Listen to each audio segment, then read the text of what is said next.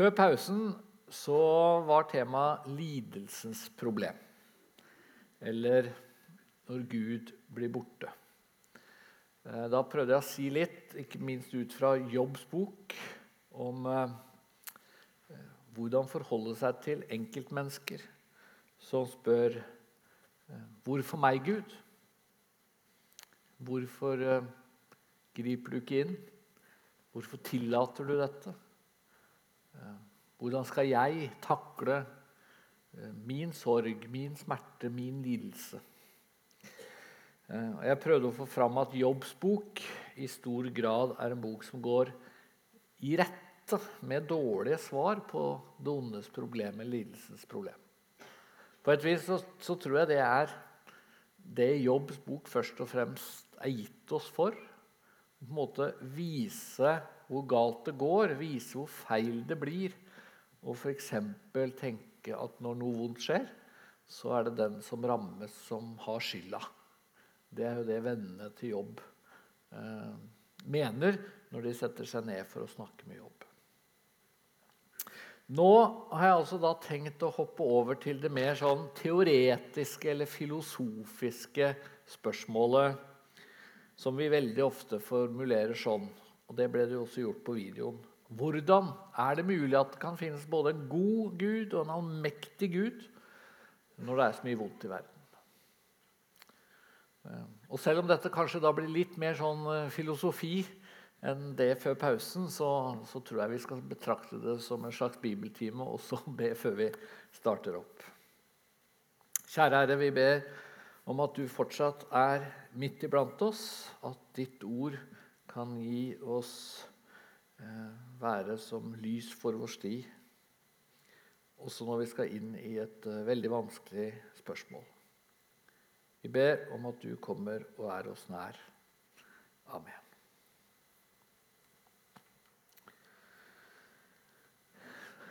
Hvis man skal starte litt sånn formelt, så kan man kanskje si at det var den greske filosofen Epikurus, Epik, Epikur mener jeg, som, som er på en måte blitt kjent og berømt for å ha stilt det ondes problem. Eh, og han sa det omtrent sånn Hvis Gud er både god og allmektig, så rimer det ikke at han ikke stanser det onde.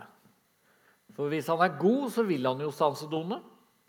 Og hvis han er allmektig, så kan han stanse det onde. Det mange ikke veit, er at det som ble løsningen for Epikur, altså denne greske filosofen for 2500 år siden, det var at Gud er nok ikke ordentlig god. Det var det Epikur trodde. Han tenkte at Gud han er egentlig ikke veldig interessert i oss mennesker. Så han fikk et helt annet gudsbilde som resultat. Men i dag så tror jeg de aller fleste tenker at det fins bare to løsninger. Enten så fins det en grunn for at, for at både Gud og ondskap fins. Eller så er dette det beste argumentet som fins for å ikke tro på Gud. Og Det møtte vi også i videoen.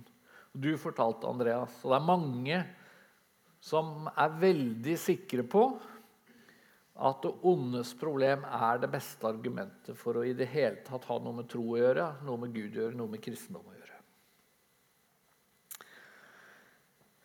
Selv om Jobbs bok altså ikke løser det ondes problem, så, så mener jeg at det fins noen antydninger i hvert fall til svar i Bibelen på det ondes problem. Eh, og Derfor har jeg nå tenkt å bruke denne delen av kvelden til å gi noen mulige løsningsforsøk på rett og slett dette teoretiske problemet. Og så må jeg altså erkjenne, og jeg er litt sånn redd for, for det, særlig hvis det er noen nye nå som kommer etter pausen, at, at jeg kan da komme med på en måte løsningsforslag som ikke hjelper for de som har det vondt. Teoretiske svar hjelper veldig sjelden mennesker som har det vondt. Det som hjelper, er jo trøst og omsorg og det å bli sett og det å bli verdsatt, og det å få en klem, og kanskje det å få praktisk hjelp. Men likevel så tror jeg jo at vi har nytte av å tenke igjennom. Rett og slett også for å beholde troen. Om det går an å tro på en Gud som er god og allmektig, når verden ser ut som den gjør. Og så er mitt grunnperspektiv også dette at jeg tror ikke det fins ett kort svar i Bibelen. Jeg tror det fins flere antydninger til svar og flere perspektiver som må kombineres. Så nå har jeg tenkt å egentlig presentere tre hovedsvar, hovedløsninger. Men jeg tror ingen av de fungerer alene.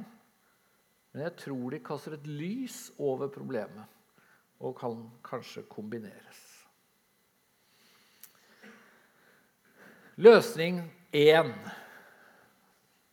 Ondskap skyldes fri vilje. Hvorfor lever vi i en verden hvor, hvor det fins ondskap, hvor det fins synd, hvor det fins død? Altså, Vi får jo et svar i første Mosebok kapittel 3. Fortellingen om Adam og Eva som synder mot Gud, som spiser av treet det var forbud mot å spise. Fortellingen vi gjerne kaller fortellingen om syndefallet. Og det er tre ting i hvert fall som vi skjønner i den fortellingen. Det vil si det ene vi ikke noen gang får et svar på, er jo hvorfor var det i det hele tatt en slange der? Hvorfor var det en frister på plass i Edens hage? Det vet vi jo strengt tatt ikke. Vi må selvfølgelig tenke at det var Gud som hadde skapt slangen. Og det teologiske, eller kanskje filosofiske svaret, som jo også har et visst bibelsk grunnlag, er jo at det var på et eller annet tidspunkt et opprør i, blant Guds engler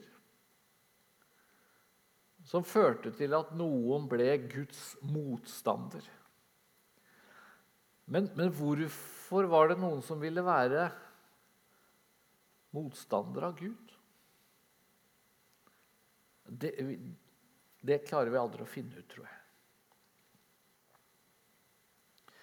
Men det andre vi får vite i første Mosbok kapittel 3, er jo at mennesker kan gjøre Gud imot. Mennesker kunne i Edens hage, i paradiset, selv om alt var fantastisk, så kunne de altså gjøre noe Gud hadde sagt nei til. Så Sånn sett så tror jeg det er et bibelsk svar at, at det vonde skjer fordi mennesker handler galt. Og har en fri vilje og kan handle galt. Og så blir jo konsekvensene store. Fortellingen i første Mosbok 3 handler jo om at Adam og Eva jages ut av paradiset. Og det onde inntar vår verden. Og Sånn sett så er et av Bibelens svar at, at Gud har tillatt oss mennesker, og for den saks skyld englene, å gjøre Gud imot. Men så vil noen si at vi betaler jo en forferdelig høy pris, gjør vi ikke det? For å leve i en verden der det fins frihet. Og noen sier kunne ikke Gud skapt en verden hvor det var frihet, men hvor det ikke var mulig å gjøre noe ondt? Kunne ikke Gud skapt en verden hvor, hvor du og jeg, når vi gikk til kveldsmat så har vi mulighet til å velge både brunost og gulost og leverpostei og sånn. Mulighet til å si noe stygt til han som står foran oss i køen.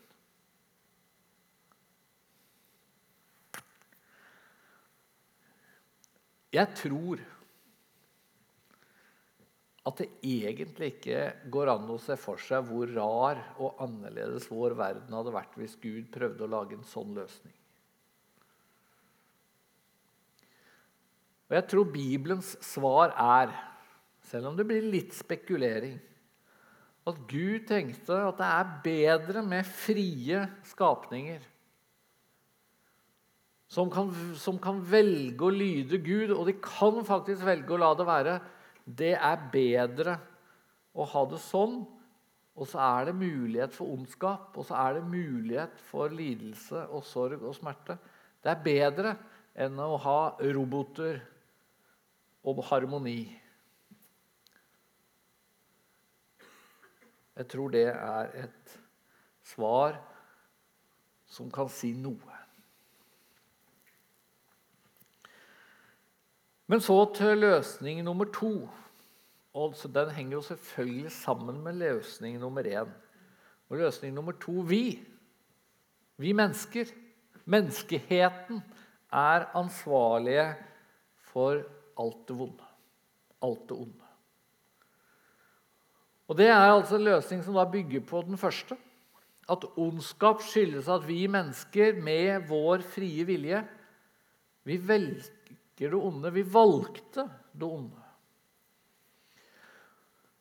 Og jeg tenker jo at dette, også for å forklare en del av det vonde som skjer her og nå, er jo et, et veldig viktig del av svaret på det ondes problem.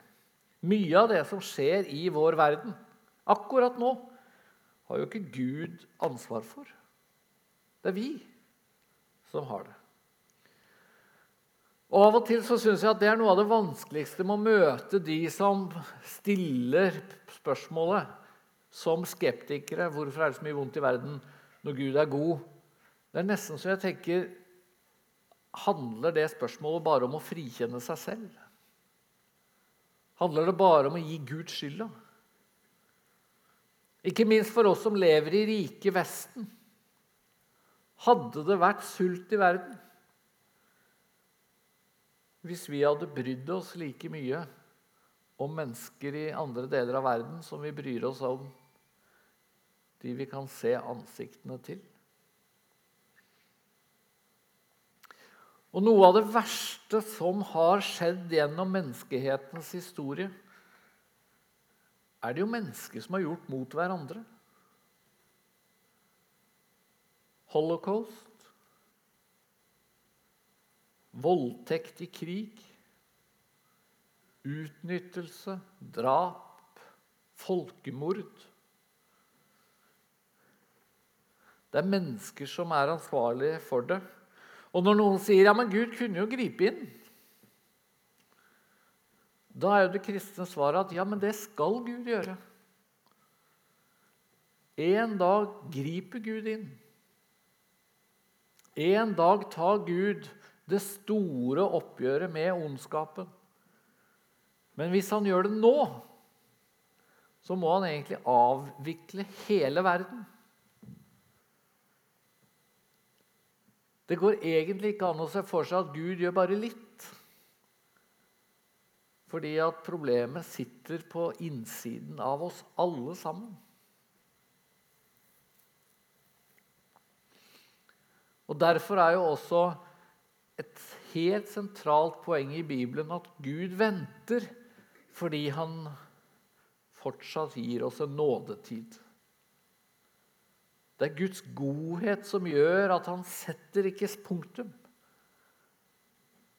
Fordi det skal være mulig for mennesker å søke Gud også i morgen.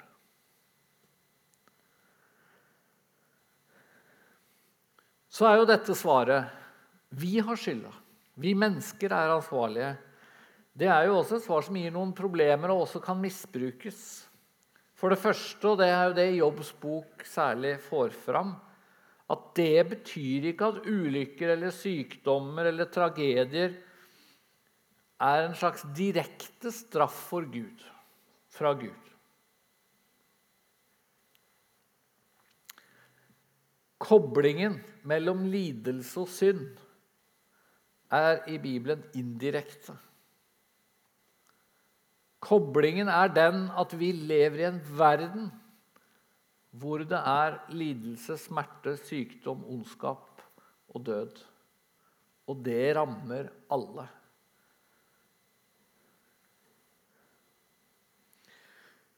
Og Jesus er også tydelig i Det nye testamentet på at f.eks. en ulykke, som det står om i Lukas kapittel 13 En ulykke som gjorde at et tårn falt ned og drepte 18 personer. Det var ikke slik at de 18 ble straffet på en fiffig måte av Gud. Nei, vi lever i en verden der det skjer ulykker. Det kan også ramme fromme, gode mennesker. Eller i hvert fall mennesker som er litt frommere enn naboen. Det er ingen direkte sammenheng mellom eh, det vi gjør hver dag, og det som eh, skjer av ulykker, sykdom, tragedier. Kanskje kan vi si at Romerbrevet 8, fra vers 20, er den teksten som forklarer dette best. Jeg skal lese det nå. Romerbrevet fra, fra kapittel 8 og vers 20. Det skapte ble underlagt forgjengeligheten. Ikke frivillig, men fordi han ville det slik. Likevel var det håp, for også det skapte skal bli frigjort fra slaveriet under forgjengeligheten og få den frihet som Guds barn skal eie i herligheten. Vi, vi, vet at vi helt til denne dag sukker og stønner alt det skapte samstemt, som i fødselsrier. Ja, enda mer. Også vi som har fått Ånden, den første frukt av høsten som kommer, sukker med oss selv og lengter etter å bli Guds barn, fullt og helt når kroppen vår blir satt fri. For i håp er vi frelst. Et håp hvis alt ser er oppfylt, er ikke noe håp. Hvordan kan noen håpe på det de ser? Her skriver altså Paulus til kristne mennesker som også opplever lidelse. Fordi verden er lagt under forgjengelighet. Og det skyldes altså syndefallet eller det som Adam og Eva gjorde, og som vi alle har vært med på etterpå. Og Derfor, som det står i vers 22, helt til denne dag sukker og stønner alt som alt det skapte. Samstemt gjør vi det. Så Bibelen gjør altså en kobling mellom det at vi har en fri vilje som vi valgte til å snu Gud imot, og det at vi lever under eller i en forgjengelig verden.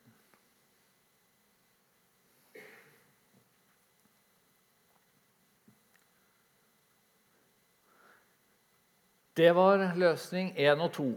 Nå skal jeg ta løsning tre, og så skal vi prøve å koble dette litt sammen mot slutten. Løsning tre. Vår verden er den best tenkelige verden. Og da havna jeg plutselig litt lenger unna Bibelen, det skal jeg innrømme. Nå er vi litt mer inne i filosofien og kanskje inne i spekulasjonens arena. Eller på spekulasjonens arena. Men jeg tror likevel det er verdt å tenke gjennom Kan det være sånn at den verden vi lever i, tross alt er den best mulige? Og La meg illustrere dette også ved å påpeke en litt sånn banal sannhet. Ikke alt det som gjør vondt, er ondt. Det er faktisk noe av det litt stilige med norsk språk. Det tror jeg er ganske sjelden vi kan si. At det norske språket har liksom noen fasetter som, som er ekstra eh, gode, ekstra illustrerende. Men akkurat det at vi både kan si at noe er vondt, og noe er ondt, og det høres veldig likt ut Det, oss, det bør få oss til å reflektere at, at det er likevel stor forskjell. F.eks. hvis du tar et lite barn til helsestasjonen for å gi barnet en vaksine så tror jeg vi alle er enige om at det gjør nok litt vondt. Men det er ikke ondt. Og når mamma eller pappa holder dette lille barnet på fanget, som skriker når det får en spiss sprøyte inn i armen, tror jeg det er veldig få foreldre som får sånn dårlig samvittighet og tenker 'hva er det jeg gjør?' For du veit at, at det er noe bra, selv om det gjør vondt. Og sånn er det faktisk med ganske mye. Tenk på det å brenne seg. Hvis jeg gikk bort til det lyset nå og, og holder rett over det, så gjør det litt vondt. Og kommer jeg veldig nære det lyset, så, så brenner jeg meg, og det gjør ordentlig vondt. Men det er faktisk bedre enn alternativet. Det er ikke ondskap. Fordi det at jeg har et nervesystem som sier ifra når flammene holder på å ødelegge kroppen min, det er jo kjempebra. Det er noe Gud har skapt. For det er det som holder oss i live. For mange år siden var jeg i Kenya, eh, ved kysten, og traff en spedalsk mann. Og det gjorde inntrykk, for når vi satt og snakka sammen, så fortalte han at natta før vi traff han, så hadde han mista en tå. Antagelig var det en rotte som hadde spist den. Og så fortalte han at som spedalsk så hadde han ingen følelser ytterst på foten. Så når han lå og sov, og det kom en rotte og gnagde av en tå, så våkna han ikke. Han merka det ikke. Mens hadde jeg opplevd det, så hadde det nok vært litt ubehagelig å ha en sånn liten rotte som prøver å gnage litt. Men jeg hadde antagelig bare snudd meg rundt i full fart og sparka og så hadde problemet vært borte. Og så er spørsmålet hvor langt kan vi dra dette poenget? For eksempel så har jo både Andreas og jeg og flere her bodd i Peru. Der var det jordskjelv. Ikke så sjelden. Noen ganger kom det også ganske kraftige jordskjelv. Det er mennesker som har dødd i Peru pga. et jordskjelv. Er det ondskap? Og så har jeg lest litt om det, og så veit jeg at, at, grunnen til at det kommer jordskjelv, er jo fordi det er disse her tektoniske platene som er rundt jordkloden, som beveger seg. Og så er det noen spenninger i disse platene. Og så er det slik at Hadde de platene vært slik at det ikke kunne komme jordskjelv, så ville antagelig vår verden fungert mye, mye, mye dårligere enn den gjør. Det er et veldig viktig design ved jordkloden at man har disse platene. Men ulempen er altså av og til kraftige jordskjelv. Det mange ikke vet, var jo at i Peru var det jo små jordskjelv hver eneste dag. For sånn er det med disse platene. De ligger og berører hverandre lett. Hva med flom? Hva med snøskred? Skal naturen oppføre, oppføre seg sånn? Kan vi få det gode? Snø og vann og regn.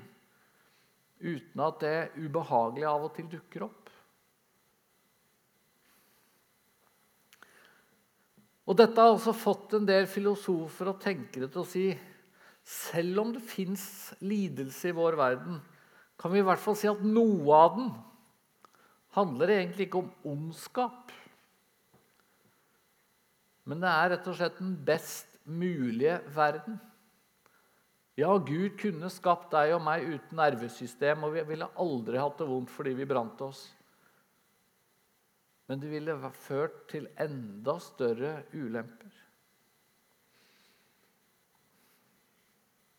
Kort sagt mye av det som er bra med vår verden, har noen bivirkninger. Og kan vi kombinere den måten å tenke på om vår verden med friheten som Gud har gitt, og som gjør ondskap mulig? Jeg tenker altså at med disse tre perspektivene så har vi et, et slags svar. Ikke fullt ut, ikke som løser alt, men vi har altså en fri vilje.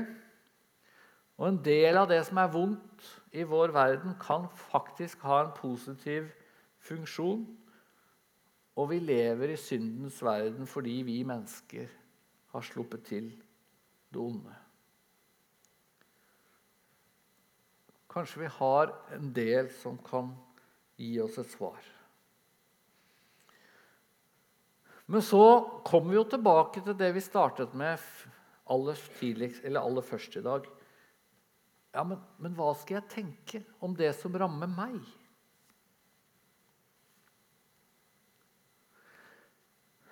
Og da er det jo to muligheter.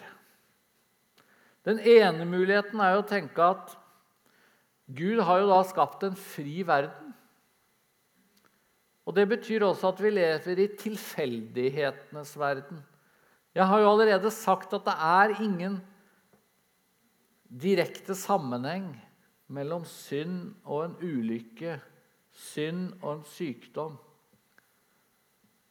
Betyr ikke det at Gud rett og slett har skapt en tilfeldig verden? Og Det er noe jeg har tenkt veldig mye på, og som jeg syns er fryktelig vanskelig å liksom få inn i et skjema. For på den ene siden så tror jeg litt det. Jeg tror Gud har skapt en verden hvor det råder en del tilfeldigheter. I hvert fall på den måten at ingen av oss er jo frie fra syndefallets konsekvenser.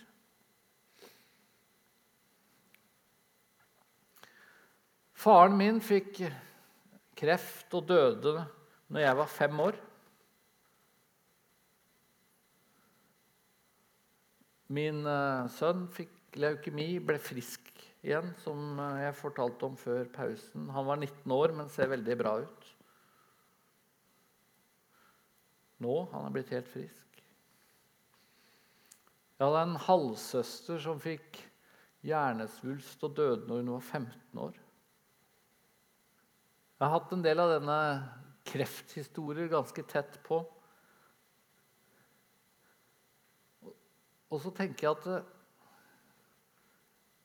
Er det ikke litt sånn bare verden er? Her er det av og til store sykdommer som kan ta liv. Kreft og hjerteproblemer og andre ting. Og noe kan se ut til at det rammer tilfeldig og rammer skjevt også. Men er det ikke sånn også i mindre skala? De fleste av oss regner vel med at vi blir forkjøla en gang eller to eller tre i løpet av et år. Det noen av dere som, ja det kan være noen menn kanskje som roper 'Hvorfor meg, Gud?' når man blir forkjøla. Men de fleste av oss gjør vel ikke det. Vi tenker at ja, men sånn er det å leve i en verden der alle rammes på et eller annet vis. Og det er et eller annet med at kristne er ikke spesialbeskyttet heller. På en måte ville Gud vært urettferdig hvis han hadde lagd en verden hvor, hvor kristne alltid slapp litt bedre unna. Vi kunne alltid be om helbredelse, vi også. Og så ordnet det seg. Så på et vis så tror jeg at Gud har skapt en verden der synden og sykdommer og ulykker har kommet inn, og så rammes vi litt tilfeldig. Men problemet er jo at rendyrker vi det perspektivet, så virker det som vi tar fra Gud alt ansvar. Og det kan jo ikke være rett, det heller. Altså, Vi tror jo på en Gud som har kontroll over stort og smått. Vi tror på en Gud som kan gripe inn, og som kan helbrede. Så dette her må jeg innrømme at jeg ikke klarer med min hjerne å få helt å gå opp. Men jeg tror det går an å tenke seg at begge deler er sant. At vi står overfor et paradoks som bare den allmektige Gud, som har høyere tanker enn vi har, klarer å få til å henge sammen. At vi både lever i en verden der tilfeldigheter skjer, og der vi ikke kan gjennomskue en plan fra Gud bak alt som skjer. Og Samtidig så kan vi få gå til Gud med alt, og han har kontroll over stort og smått. Og så fins det én løsning til. Noen spørsmål er ja, men hvorfor meg? Og det er jo også den risikofylte. Og det er jo å si at ja, hver eneste gang noe skjer i ditt og mitt liv, så er det Gud som enten tukter eller på et eller annet vis vil lære oss noe. At det onde er nødvendig for at vi skal vokse som mennesker og vokse i troen. Og til en viss grad så tenker jeg også at, at noen ganger så kan jo et sånt svar fungere. Jeg har møtt mennesker som takknemlig forteller om en krise i livet som de 10 år, 15 år etterpå tenkte at den sendte Gud. Han ville stoppe meg på et eller annet vis. Han ville snakke til meg på et eller annet vis. Men det er jo også den løsningen på det ondes problem som det er skumlest å rendyrke. Ingen av oss tør vel å si, og ingen av oss bør vel si til ei jente som ble voldtatt som 14-åring, at 'Jeg er ikke helt sikker på hva Gud ville si deg, men noe var det'.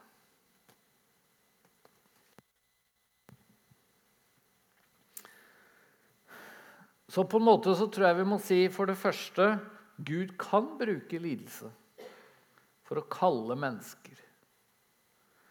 C.S. Lewis har en gang sagt God whispers to us in our pleasures, speaks in our consciousness, but shouts in our pain. Gud roper til oss gjennom smerten. Jeg tror det er noe sant i det.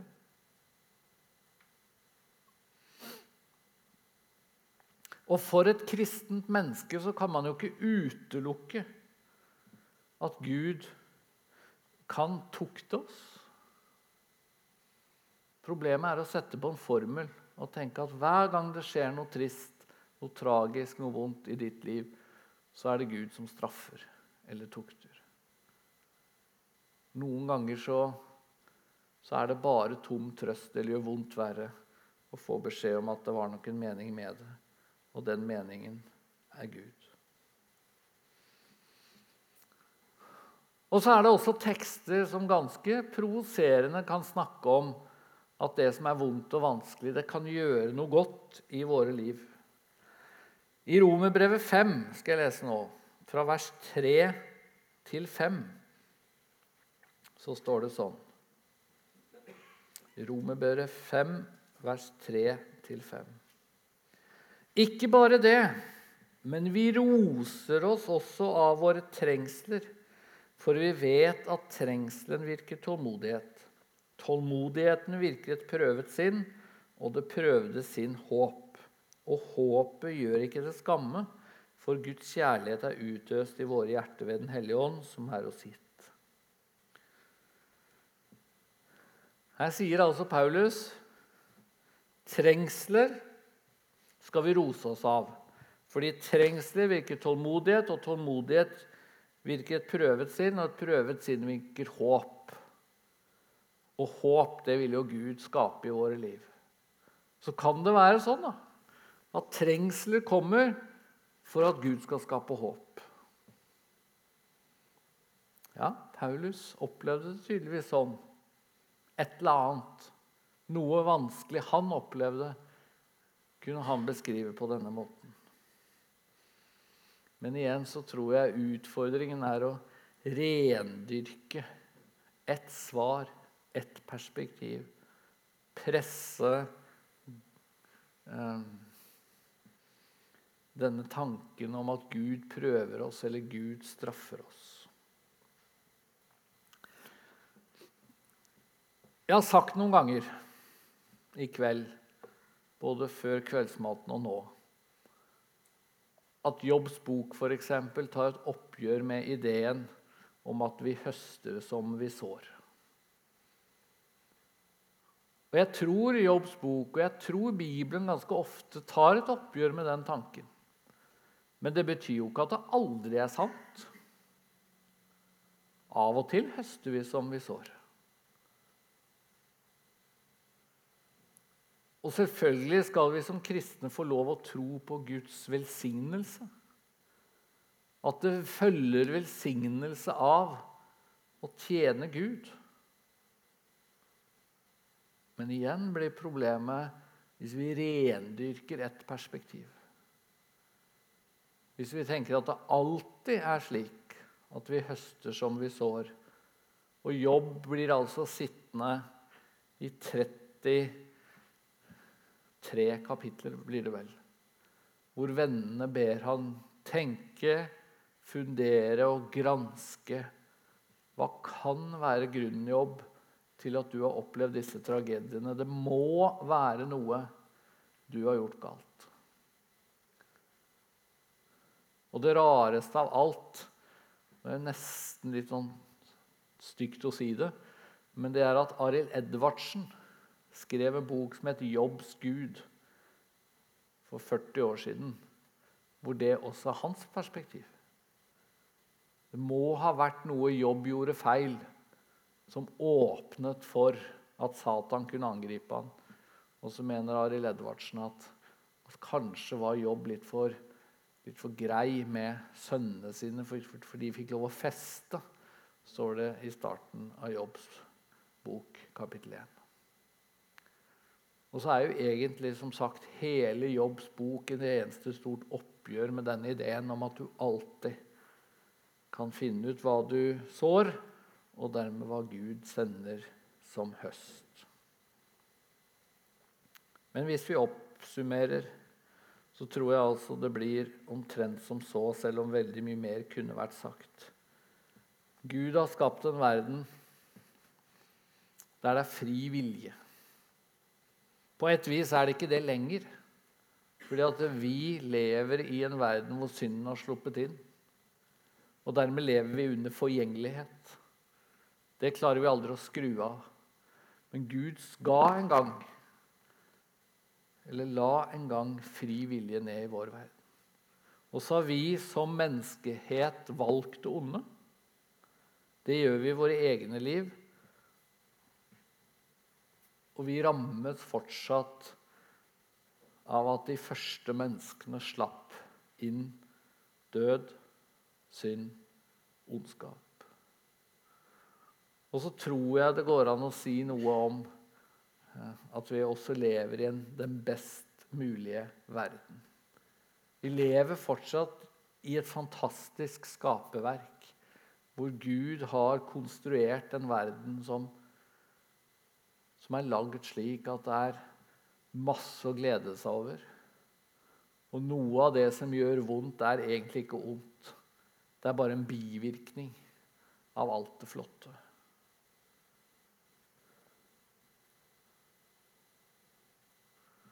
Og så kan det hende i ditt liv og mitt liv at Gud sender noe for å prøve oss, for å rope til oss gjennom smerte, for å kalle oss til omvendelse. Men eh, Bibelen sier aldri at det er det ene svaret som forklarer alt det som skjer. La oss også avslutte med en bønn.